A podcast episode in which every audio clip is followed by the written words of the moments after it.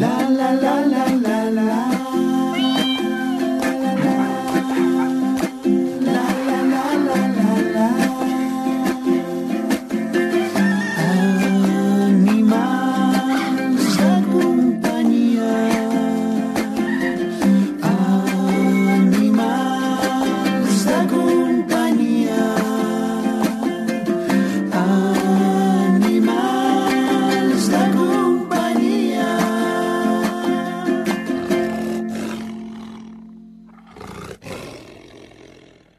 Sabies que els animals de companyia ja són legalment éssers dotats de sensibilitat? El Congrés ha aprovat la proposició de llei per modificar el Codi Civil a través del qual els animals deixen de ser considerats coses. L'estat espanyol segueix així l'exemple d'alguns països europeus en reconèixer un nou estatus jurídic pels animals. En cas de separació o divorci, per exemple, la justícia podrà determinar el règim de custòdia de l'animal segons el que sigui millor per a ell. En desnonaments o embargaments, els animals de companyia deixaran de ser considerats com a béns immobles i no podran ser embargats. D'aquesta manera, 11 milions de gats i gossos a l'estat espanyol passaran a ser reconeguts com a éssers vius dotats de sensibilitat per llei. Una iniciativa que han impulsat des de fa temps diverses entitats, entre les quals la Fundació Affinity. Amb aquesta notícia imprescindible pels que us agraden els animals, comencem el podcast d'avui dedicat a la relació entre nens i gossos.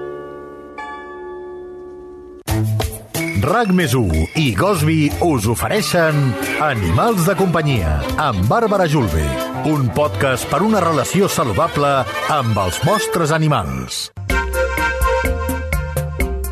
Gossos i nens, un gran binomi. Viure i créixer amb cànids aporta als més petits de la casa importants beneficis pel seu desenvolupament. Entre altres coses, aprenen a respectar els animals, a ser responsables i fins i tot augmenta la seva autoestima. I també en un futur seran nens més oberts en les seves relacions i amb menys inseguretats. Però com ha de ser aquesta relació amb els gossos? En parlem amb Anna Duran, educadora canina del projecte Holistic Educació Canina. Anna, benvinguda. Quin tema tan interessant, eh?, que avui tenim sobre la taula. Super interessant. Moltes gràcies, Bàrbara, per convidar-me en aquest espai. Escolta, Anna, tenir un animal a casa porta molts beneficis, d'acord? Això eh, ho sabem, ho tenim comprovat. Eh, sobretot els nens, però aprenen d'alguna manera, perquè és el bàsic, no?, a ser responsables en petites tasques. Com ho veus? Poden implicar-se en petites coses. Ah, Per exemple, poden mirar si hi ha uh, bosses en, per, per agafar els excrements a l'hora de passejar. Poden mirar si tenen aigua. Uh, tot i així, l'aprenentatge no passaria tant per les tasques que els donem als nens, sinó per, més aviat per aprendre a respectar i empatitzar amb el gos i les seves necessitats. Val, no seria tant doncs, eh, que ells se n'ocupin exclusivament d'això, que els hi poses a sobre, no? com una feina a fer i, i potser els hi pot causar rebuig, sinó eh, com un aprendre no? a compartir o, o a conviure eh, i, i entendre no? les seves necessitats. Va, va per aquí, els teus arguments? Totalment, Bàrbara, així, així tal qual. No tant en donar-los tanta responsabilitat, perquè no rebutgin a, a, a aquestes tasques, no? sinó més aviat és un aprenentatge de cada dia.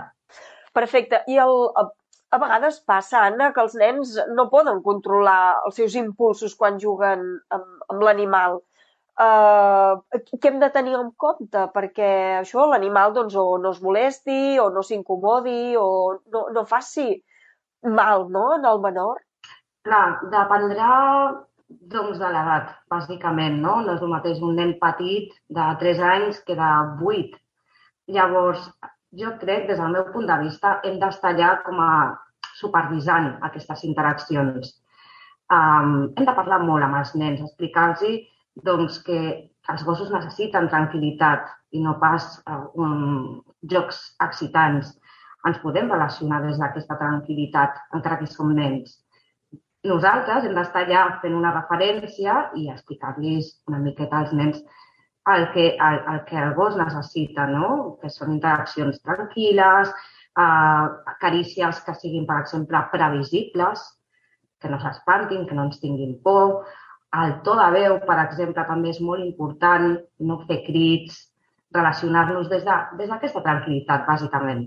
Um, ara me ve en ment, uh, Anna, amb el que expliques, que uh, de vegades això, uh, tant els nens com els adults, no veiem un gos que està dormint i l'anem a acariciar, l'anem a tocar d'alguna manera, el, el molestem, o veiem a vegades criatures, doncs això, que els estiren les orelles, uh, els, els, uh, els agafen amb, molt fort amb les mans, clar, tot això uh, és millor evitar-ho, no?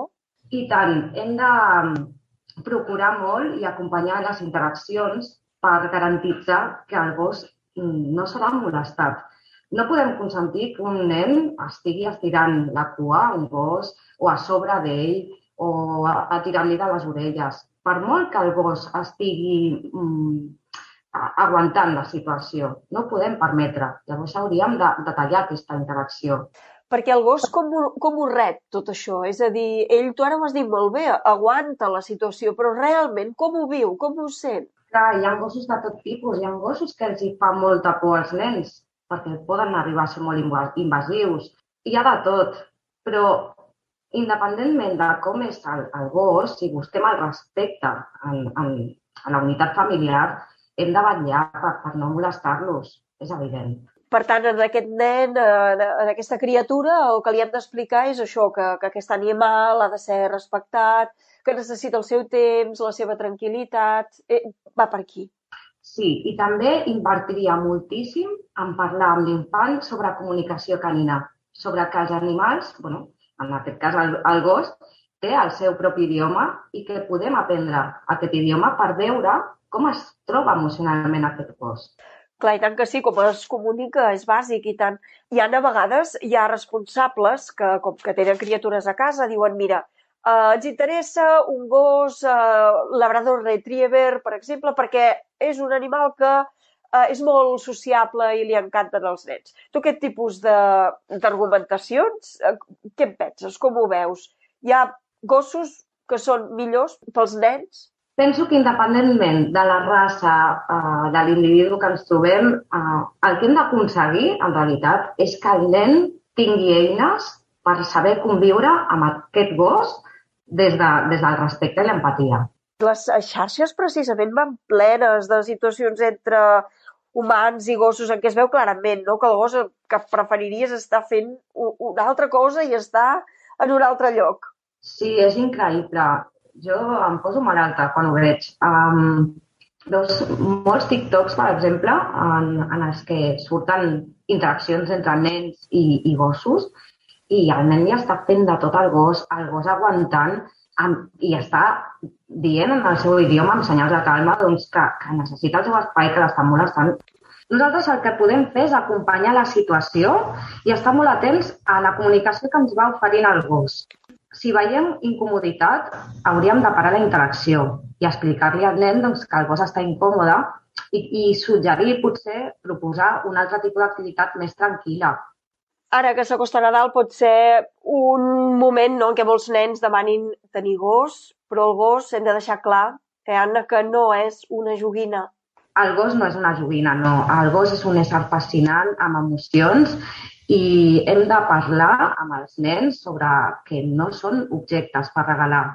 Hauríem d'invertir molt a parlar també amb els nens sobre, sobre aquest tema, perquè si nosaltres estem regalant un gos a, a un nen, què estem transmetent al nen? Que és un objecte, que és una cosa. Llavors, ens allunyem molt del camí de l'empatia i el respecte. Moltíssimes gràcies, Anna, pels teus consells, per la teva informació T'agraïm que avui hagis estat amb nosaltres aquí al podcast per parlar d'aquest tema, d'aquest gran binomi que parlàvem al principi de gossos i nens, com viure i créixer millor amb nens. Moltíssimes gràcies, Bàrbara, per convidar-me.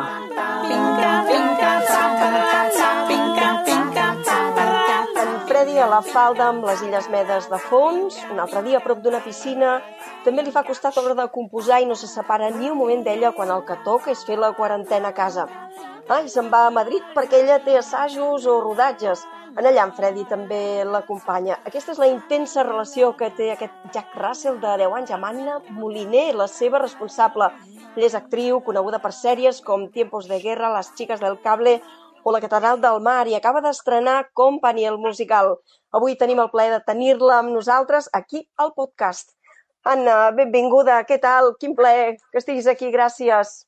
Què tal? Moltes gràcies per convidar-me, encantada. Mira, pregunta obligada, on és en Freddy? Uh, pot ser que el tinguis per aquí? Pobret, el marejo molt, eh? Ara mateix el tinc a Màlaga, perquè tot just, com deies, acabem d'estrenar el Musical Company aquí amb l'Antonio Banderas, al seu teatre del Soho. I bé, tenia moltes ganes d'estar amb ell, l'he trobat molt a faltar, però he estat dos mesos assajant intensament i ara que per fi he estrenat, just ahir, el vaig posar en un avió, que això és una altra aventura que ja en podríem parlar en un altre... això és un altre apartat, però bé, tot va anar bé, ho vaig aconseguir, el vaig portar allò als meus peus, a sota el seient de, de, de l'avió, i ahir ja vam arribar a Màlaga i ara s'està adaptant. El tinc aquí al meu costadet, dormidet, tranquil, vull dir, tot bé.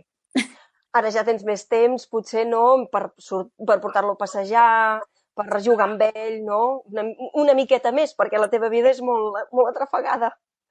Sí, sí, realment te n'adones... A veure, vosaltres en parleu sempre, no? Tenir un gos eh, implica molta feina, perquè bueno, els que estimem els gossos eh, sempre et compensa perquè és que no sé, no es pot explicar, no? Els que som amants d'aquests animals i quan tens i convius amb ells, doncs es crea alguna molt especial, però sí que també hi ha molts moments de dir, Déu meu, m'he ficat especialment amb un Jack Russell.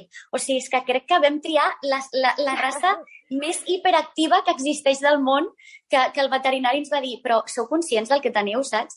Té 10 anys i com si en tingués un. O sigui, crec que la seva energia va més i, clar, tu darrere sigui, està molt bé per això, perquè tu fas exercici. Això és un avantatge, saps? Tu estàs en forma perquè ell necessita sempre, en bucle, cada dia ell ja et desperta i ja és, vinga, anem a passejar, anem a jugar amb la pilota. I tu mm, estiguis cansat, eh, hagis fet funció el dia anterior o t'hagis de llevar d'hora aquell dia, el que siguis igual, nevi, plogui, tot, tu Toca. cap allà amb el gos a fitxar. Llavors, bueno, d'alguna manera també et manté actiu, i... però això sí, clar, és, és feina. I ara sí, ara que tinc més temps al matí perquè a la tarda puc anar a fer les funcions, doncs intentaré estar per ell al 100%, però crec que m'ocuparà, vull dir que és una, és una altra feina. Estaré amb el Freddy i al teatre, i ja està. I, I és que tu te l'emportes, eh? Tot arreu hem vist per les imatges eh, de l'Instagram, doncs, eh, això en un apartament a les, eh, a les Illes Medes, per allà, doncs també quan has d'estar a casa o si composes o si vas a Madrid, no? Per tot arreu, ets d'aquelles que en Freddy, amb tu sempre, eh? Sempre junts. És que és com casa, per mi. O sigui, evidentment, bueno, no? la teva parella, la teva família és casa també, eh, molt important. Però no sé, per mi el, el Freddy és com... Quan estic amb ell em sento més a casa, estigui on estigui, no? I, bueno, el bo que té és que ell s'adapta també a tot. Espero no estressar-lo més del compte. Ja intento, intento vigilar. Però sí, no sé, és com si estic amb ell no em sento tan lluny de d'això, de, de casa, de les meves arrels, no? Mm, mm, I, Anna, tu ets també d'aquelles aquell, persones que dorm amb el seu animal de companyia, que se l'estima tant que fins i tot se l'emporta al llit? Molt bona pregunta i t'he de dir que no. Això sí que ho tinc molt clar. No, a veure, a veure, a mi t'he de dir que m'agradaria perquè tinc aquest punt també de pel·liculero romàntic amb els gossos, però també vaig aprendre, quan vam agafar el Freddy ben petit, que la disciplina era molt important i sobretot amb un gos, com et deia, que el Terrier, Jack Russell, o sigui, són molt territorials, és mascle a més a més, és un trasto, és un bitxo. Llavors, vaig veure de seguida que si jo no li posava unes normes molt, molt, molt clares, se'm pujava a sobre. De fet, ja se m'ha pujat a sobre, sincerament. Però intento, dins d'això, que hi hagi com uns petits límits. No sofà, no llit. Per què? Perquè ell, si jo el deixo posar al llit, automàticament ell entén que allò és seu. I se'm torna fins i tot, se'm gira i tot. A vegades té molt caràcter i allò, no, no, tu fora del llit és meu. Llavors, no. Clar, llavors, a la nit prohibit, ell ha d'entendre que té el seu llit i que allò és el seu espai. I això m'ajuda molt a, a, bueno, pues a tenir-lo més a ratlla, perquè si no ja et dic, molt bé, juguem, molt bé, fem carícies, però ha d'haver un límit, una disciplina, perquè si no, ja et dic, és que és impossible i crec que la convivència seria molt complicada. I, i no ha cedit tant ni un dia amb aquesta mirada de boca té, perquè mira que té una mirada que, que encandila, eh? Clar que sí, clar que sí, que s'ha dit. O sigui, a veure, molt, moltes vegades, o donar-li menjar quan no toca, o donar-li un trosset de Frankfurt que li encanta i ja el tinc content.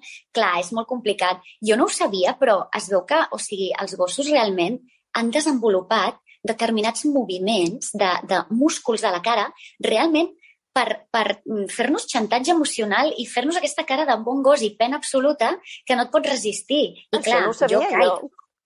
A- a- De veritat que sí, crec, ara, per favor, que tu que estàs en contacte amb experts, mm, que em corregeixin si m'equivoco, eh? No sé la teoria exacta, però tinc entès que, clar, arrel d'anys de convivència amb els humans, clar, s'han hagut d'adaptar a, a sobreviure i a, i a bueno, aconseguir la, el, el que a ells els interessa, no? I, i llavors han aconseguit, eh, sí, fer aquesta cara de Disney, saps aquesta cara dels gossos de dir, però sembla que siguin de dibuixos animats? Doncs sí, sí, els tios saben perfectament el que han de fer per aconseguir allò que volen. Doncs ho, ho preguntarem. I per cert, en Freddy, com va aparèixer a la teva vida? Doncs mira, jo, a veure, jo tenia una gossa que sem jo sempre havia volgut un gos, però és que des de petita, o sigui, obsessionada, m'encanten. A casa meva els hi va costar, però ja ben bé, quan tenia 17 anys, em van regalar una gossa als meus pares i em va fer molt feliç, la Fosca, que ja no viu, evidentment. I, i jo després ja, bueno, amb la meva parella i ja tenir la nostra vida, la nostra independència, era una cosa que em feia molta il·lusió i el meu marit me'l va regalar, sempre li dic que és el millor regal, i res, el vam anar a buscar amb, amb tres mesos molt petitonet i, i va canviar la nostra vida realment, eh? perquè clar, o sigui, ara portem ja 10 anys amb ell i és allò, eh, que estem feliços, però també ho reconec, de dir la veritat, o sigui, hi ha molts moments i amb la nostra vida que anem amunt i avall és complicat, o sigui, és un sacrifici també en molts moments eh, d'això, atendre'l, tenir cura d'ell i, i això també m'agrada dir-ho, perquè és això, és, és meravellós tenir un gos, però, però també els anys passen i te n'adones doncs, que has de tenir això, aquesta constància, aquesta disciplina, que no et pots relaxar ni un moment, aquesta, aquesta organització no? de dir, val, ara com m'organitzo? Necessito un cangur pel Freddy? A mi em passa, no? Estic viatjant, tal, o necessito un cangur pel gos. O sigui, hi ha com moltes qüestions logístiques que fins que no el tens no te n'adones que bé, són una mica més complexes, no? Però bé, és qüestió de, de tenir ganes i, i bons amics i família que t'ajudi. Jo crec que això és clau també. I tant, perquè en Freddy com porta els viatges? El fet d'anar amunt i avall, d'establir-se un temps en un altre lloc, això és tot un repte, no? Sí, sí, tens raó. Hem tingut molta sort que, com que és un gos hiperactiu i molt aventurer, tot el que sigui, o sigui, tot el que sigui proposar-li un plan Li diferent, encanta. Ell li encanta. O sigui, el que li agrada és estar amb nosaltres, sigui on sigui. Que agafem el cotxe, s'apunta de seguida. Que ens n'anem on, ell el primer. O sigui, llavors amb això ens ho posa molt fàcil, perquè mai ha tingut problemes, ni es mereix el viatjar, ni s'angoixa, o sigui, al contrari. Ahir, per exemple, tenia por eh, de, de què passaria amb l'avió, perquè havia anat de petit, feia molt de temps i no ho havia portat gaire bé i dic, a veure com ho faig, però és que no tenia una altra opció perquè amb tren va molt bé, però de Barcelona a Màlaga hi ha com 7 hores de tren, has de passar per Madrid, no ho veia factible. I, i dic, l'única opció és Vueling, que per sort també que bé, gràcies que això també ha evolucionat, és a dir, per gossos que com a màxim pesen 8 quilos, pots portar-los amb un, mm, com es diu això, un transportint Sí, transportint, sí. semirígid d'aquests que són, ara n'hi ha molts també que, que escolta, hi ha tot un negoci de transportins. I, I llavors, per sort, va complir tots els requisits per pujar a l'avió amb mi. Però clar, no les tenia totes. Al principi estava una mica nerviós, però ho vaig aconseguir. I després va anar tot el vol dormit absolutament relaxat i dic, bueno, doncs prova superada. Vull dir que he tingut sort que en aquest sentit no hi ha res com tenir un gos eh, que s'apunta tot. És, és fantàstic. I ara que ja teniu per mà en Freddy, us heu eh, plantejat ampliar la família o què? No, no, rotundament no, perquè és això, potser fa un temps eh, quan ens pensàvem que mm, seria més fàcil, sí, però ara, com et deia, justament com hem anat a petar amb el gos, bueno, d'això que requereix tanta, tanta activitat, tenim clar que no. Sí que a vegades amb el meu marit parlem, potser d'aquí molt de temps, un chihuahua, però ens aniríem com amb un extrem de dir un gos que te'l puguis posar en un bolso i tira i que no necessitis sortir a córrer una hora com a mínim al dia, no? Sí, no, no, això sí que... Jo la gent que ja té més d'un gos ja em trec el barret i dic ja no sé com ho feu perquè no, no, ja, ja amb, amb en Fred en tenim prou. Doncs, uh, Anna Moliner, moltíssimes gràcies per compartir amb nosaltres aquesta estona al podcast uh, i parlar-nos d'en Freddy, no? aquest company, amic que tens uh, amb tu i que t'acompanya per tot arreu. Moltíssimes gràcies i molts èxits. Moltes gràcies a vosaltres i gràcies també per parlar de, dels animals de companyia. I en el concurs de fotos Gosby RAC1 que fem el podcast, cada 15 dies ens han arribat fotografies d'hivern, podríem dir. La realitat que es viu a moltes cases amb els nostres estimats animals de companyia. Un escalf que, ens, que es transmet a totes les imatges. Jordi, expert en xarxes socials i fotografies, què tal com ho has vist aquesta setmana? Hola, molt bones a tots. Sí, estem de ple hivern, com bé dius, i cada vegada ens arriben fotografies, diguem-ne, molt més magues. Ens costa, o em costa molt de decidir a veure, a veure qui guanya. I sí, tenim les calces de tots els animals de companyia i anem a veure qui ha guanyat. Anem a veure qui ha guanyat. Vinga, doncs, quina és aquella imatge guanyadora de la setmana? Quina és la que t'ha agradat més? Bé, la que m'ha agradat més, eh, diguem-ne que té una composició molt ben feta i té un punt eh, que aquesta vegada sí que és molt accentuat, que és la tendresa. Aquesta vegada hi ha molta, molta tendresa i és una foto que ens transmet, ens transmet un, un relaxament i una unió de, de l'animal de companyia, en aquest cas amb un nen. Em la foto l'ha fet... Que, sí, que ja, quina, ja sé quina vols dir, eh? Sí? La, també t'hi has fixat amb aquesta, eh? Sí, crida aquesta exactament, és... com dius, l'atenció, eh? Per aquesta amor, no?, que hi ha entre, entre l'animal de companyia i, i aquest nen que l'acompanya. Una unió, vaja, sí, sí, ho has descrit molt bé. Eh, és un lligam molt gran que queda palès en, en aquesta fotografia, una fotografia que ens ha, ens ha fet en Jordi Herrera Luque. I per doncs ell, doncs, aquest premi merescut. I tant, aquest uh, premi que li arribarà a casa, un meravellós lot de productes Gosby, ja ho sabeu, la marca d'alimentació i cura dels animals de companyia, que aposta per la qualitat, la honestedat i el respecte pels animals. Recordem als nostres oients eh, què és el que han de fer per participar en el concurs, eh, penjar la imatge de l'animal amb o sense el seu responsable, el seu perfil d'Instagram i etiquetar Gosby guió baixa oficial, Animal Respect baixa on tour i Animals de companyia RAC1. Ah, i per cert, indispensable posar l'etiqueta concurs Cosby RAC1. Doncs ara tocaria dir fins aquí el podcast d'avui, però Jordi, tinc una pregunta per tu. Tu no tens animal de companyia a casa, oi o sí en tens ara? Bé, jo eh, fa molt i molt de temps sí que tenia animal, animal de companyia, però ara no el tinc perquè sempre vaig voltant amb un llevall i requereix l'atenció a un animal de companyia que no li podria donar. Bé, però encara que no tinguis animal de companyia, sí que deus haver tingut alguna vivència, no?, que sigui interessant per explicar-nos a nosaltres en el podcast. Que, una vivència que hagis tingut amb algun gos o algun gat, alguna persona propera, que és el que, el que t'agrada no? d'aquestes bèsties? Bé, de vivències he tingut, eh, evidentment, amb animals de companyia, però, a veure, que hagi tingut ara... Mira, recordo la meva neboda, la Laura, que té un, un gos adoptat, deu tenir uns, uns 3 anys, eh, amb mus, es diu mus, i el mus, escolta tu, és que amb mus no paren tot el dia. Vull dir, no sé pas què carai té aquest animal de companyia i quines piles va carregat, però és que no para, no para, no para. Està per les parets, puja i dona volta. A vegades sembla que està poseït com un surfista. No para, aquest gos. Sí, aquest no para és una cosa bastant comuna a molts gossos. Ens ho explicava ara mateix l'actriu Anna Moliner, que avui hem tingut el plaer de tenir-la en el podcast. Jordi, és moment d'acomiadar el podcast, o sigui que tot teu. Doncs i fins aquí el pod, pod, podcast, podcast d'avui, com sempre, eh? I fins la propera, que serà molt aviat. La, la, la, la, la. RAC més i Gosby us han ofert Animals de companyia amb Bàrbara Julve, un podcast per una relació saludable amb els vostres animals. Sabies que Gosby és la marca catalana per excel·lència en la preparació d'aliments d'alta qualitat per als nostres gats i gossos? Perquè alimentar és una forma d'estimar, Gosby, l'alimentació conscient per als teus gats i gossos. Ens trobaràs en clíniques veterinàries i comerços especialitzats de proximitat. Consulta'ls a gosby.com.